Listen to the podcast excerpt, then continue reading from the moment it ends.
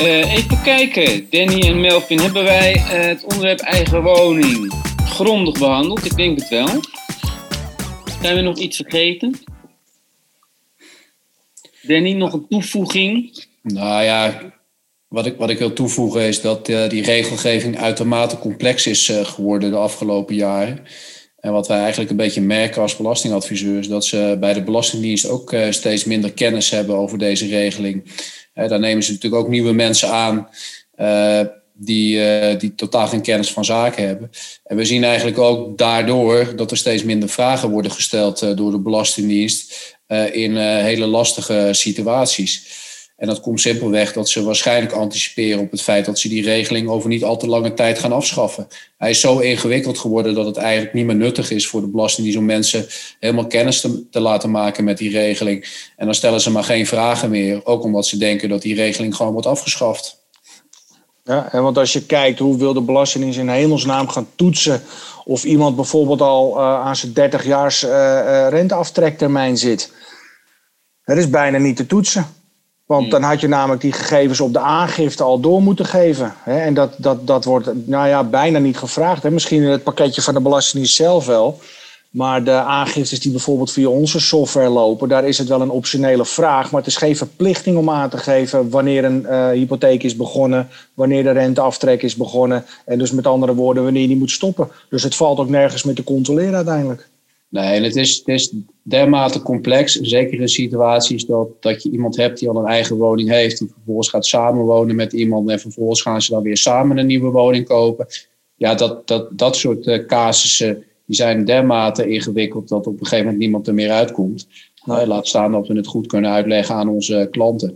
Dus ja, als ze morgen zouden zeggen, we schappen de hypotheekrente aftrek helemaal af. Ja, dan zijn we ook, allemaal, zijn we ook af van deze hele ingewikkelde regel, regelgeving. Dus ik, ik, denk dat het gewoon voor de hand ligt uh, dat ze dat binnen nu en een, uh, een aantal jaar gaan afschaffen. Zeker nu de rente laag is, maar als je nu nog tien jaar gaat wachten en de rente is weer wat hoger, ja, dan gaat het veel meer mensen pijn doen uh, als ze het afschaffen. En nu doet het gewoon simpelweg minder pijn, omdat mensen gewoon bijna geen rente meer betalen. Maar denk je niet ook dat, dat toch de impact van het hele afschaffen toch nog wel links en rechts wat, uh, wat problemen gaat geven? Omdat natuurlijk in het verleden zijn er heel veel mensen die hebben hypotheken afgesloten hè, op, op, op de top van hun kunnen, zeg maar. Met eigenlijk in het vooruitzicht dat ze een deel van die rente weer hè, gecompenseerd fiscaal kregen. En daarmee dus eigenlijk hun maandlasten enigszins konden voldoen. Als ze dan zometeen de stekker uit die, uit die renteaftrek gaan trekken, dan, ja, dan komen een hoop mensen misschien op, op maandniveau wel in de problemen. Want ja, ze moeten wel gewoon de bank betalen.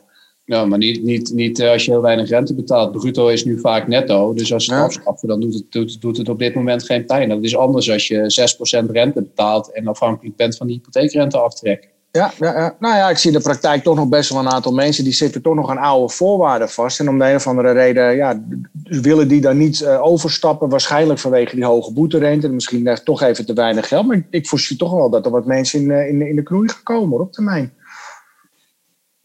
Ja, er zijn, er zijn natuurlijk nog mensen die hebben in eh, de jaren, nou zeg maar 2013, 14 een huis gekocht. En toen was de rente nog een stukje hoger. Alleen toen dachten eh, financiële adviseurs van, nou ja, de rente is al heel erg laag.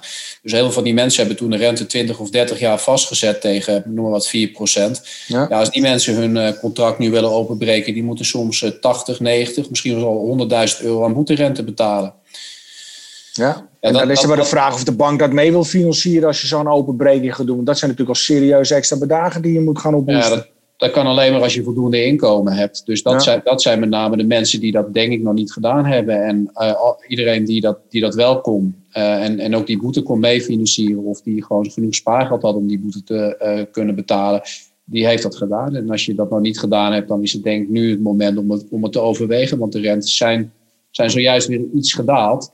Weer gedaald, ja? Ja, weer, weer gedaald. Dus ja, dit, is, dit is het moment om het alsnog te doen. Uh, want we weten niet wat ons de komende jaren nog te wachten staat. Ja, en als ze het niet doen, dan kunnen ze straks dus een groot probleem krijgen als die hypotheekrenteaftrek wordt afgeschaft. Ja, want ze moeten wel gewoon de maandelijkse nota aan de bank betalen. Ja. Nou, dan kom je weer op dat verhaal uit dat die mensen hun, uh, door die boete te betalen halen ze de toekomstige rente naar voren. En dan gaan ze richting de toekomst toe minder rente betalen. En dan zal uh, de afschaffing ook minder pijn doen. Ja. Uh, dus je, je, je moet niet alleen kijken hoeveel boeterente moet ik betalen, maar je moet ook een beetje kijken naar het eventuele fiscale voordeel dat je nu hebt. als ze toch over een tijdje die hypotheekrenteaftrek gaan afschaffen. Is een vrij uniek systeem, geloof ik. Hè? Dat, uh, ik ken eigenlijk geen andere landen dan Nederland die dat hebben. Of uh, vergis ik Nee. Nederland is een van de enige landen ter wereld, geloof ik, waarin dit systeem uh, ja, speelt. Alleen de vraag die ik, die ik daar ook tegenover wel eens krijg: van god joh, hè, er was natuurlijk de kopers of de, de koophuizenbezitters met hypotheekrenteaftrek hadden natuurlijk altijd een voordeel ten opzichte van de mensen die huren. Hè? Want ja, huren is gewoon geld in de brand steken. Uh, en daar krijg je geen compensatie voor. Zeker niet als je gewoon in de, uh, zeg maar in de vrije sector zit. Ja. Uh, maar zometeen is de, is de hypotheekrenteaftrek verdwenen. Hè? Dus dan wordt het ook weer wat, nou ja, tussen aanhalingstekens onaantrekkelijker om in een huis te zitten wat van jou is. Hè? Want je betaalt lasten, maar je kan er verder niet zoveel mee. gaan we nog iets met die huurtoeslag doen bijvoorbeeld? Nou is dat puur voor de mensen die in de sociale sector zitten. Dus ja, die zitten al een beetje aan de onderkant ook qua inkomen. Ja, da daar heb je nog wel steeds die compensatie op. Ik ben benieuwd of daar nog aan gesleuteld gaat worden. Ik heb daar niet zoveel over gehoord eigenlijk, helemaal niks. Nou ja, het ligt, ligt wel voor de hand als je die hypotheekrenteaftrek afschaft, dat je dat hele toeslagenstelsel ook op de schop gooit. Dat lijkt mij wel, ja, zeker. Als je die woningmarkt een beetje wil gaan normaliseren uh, en, en die prijzen wil uh, laten normaliseren, dan uh, zal je, zal je zowel de hypotheekrenteaftrek moeten afschaffen, maar ook het hele toeslagensysteem. Ja, ja, ja dat zal nog wat voet in de aarde hebben.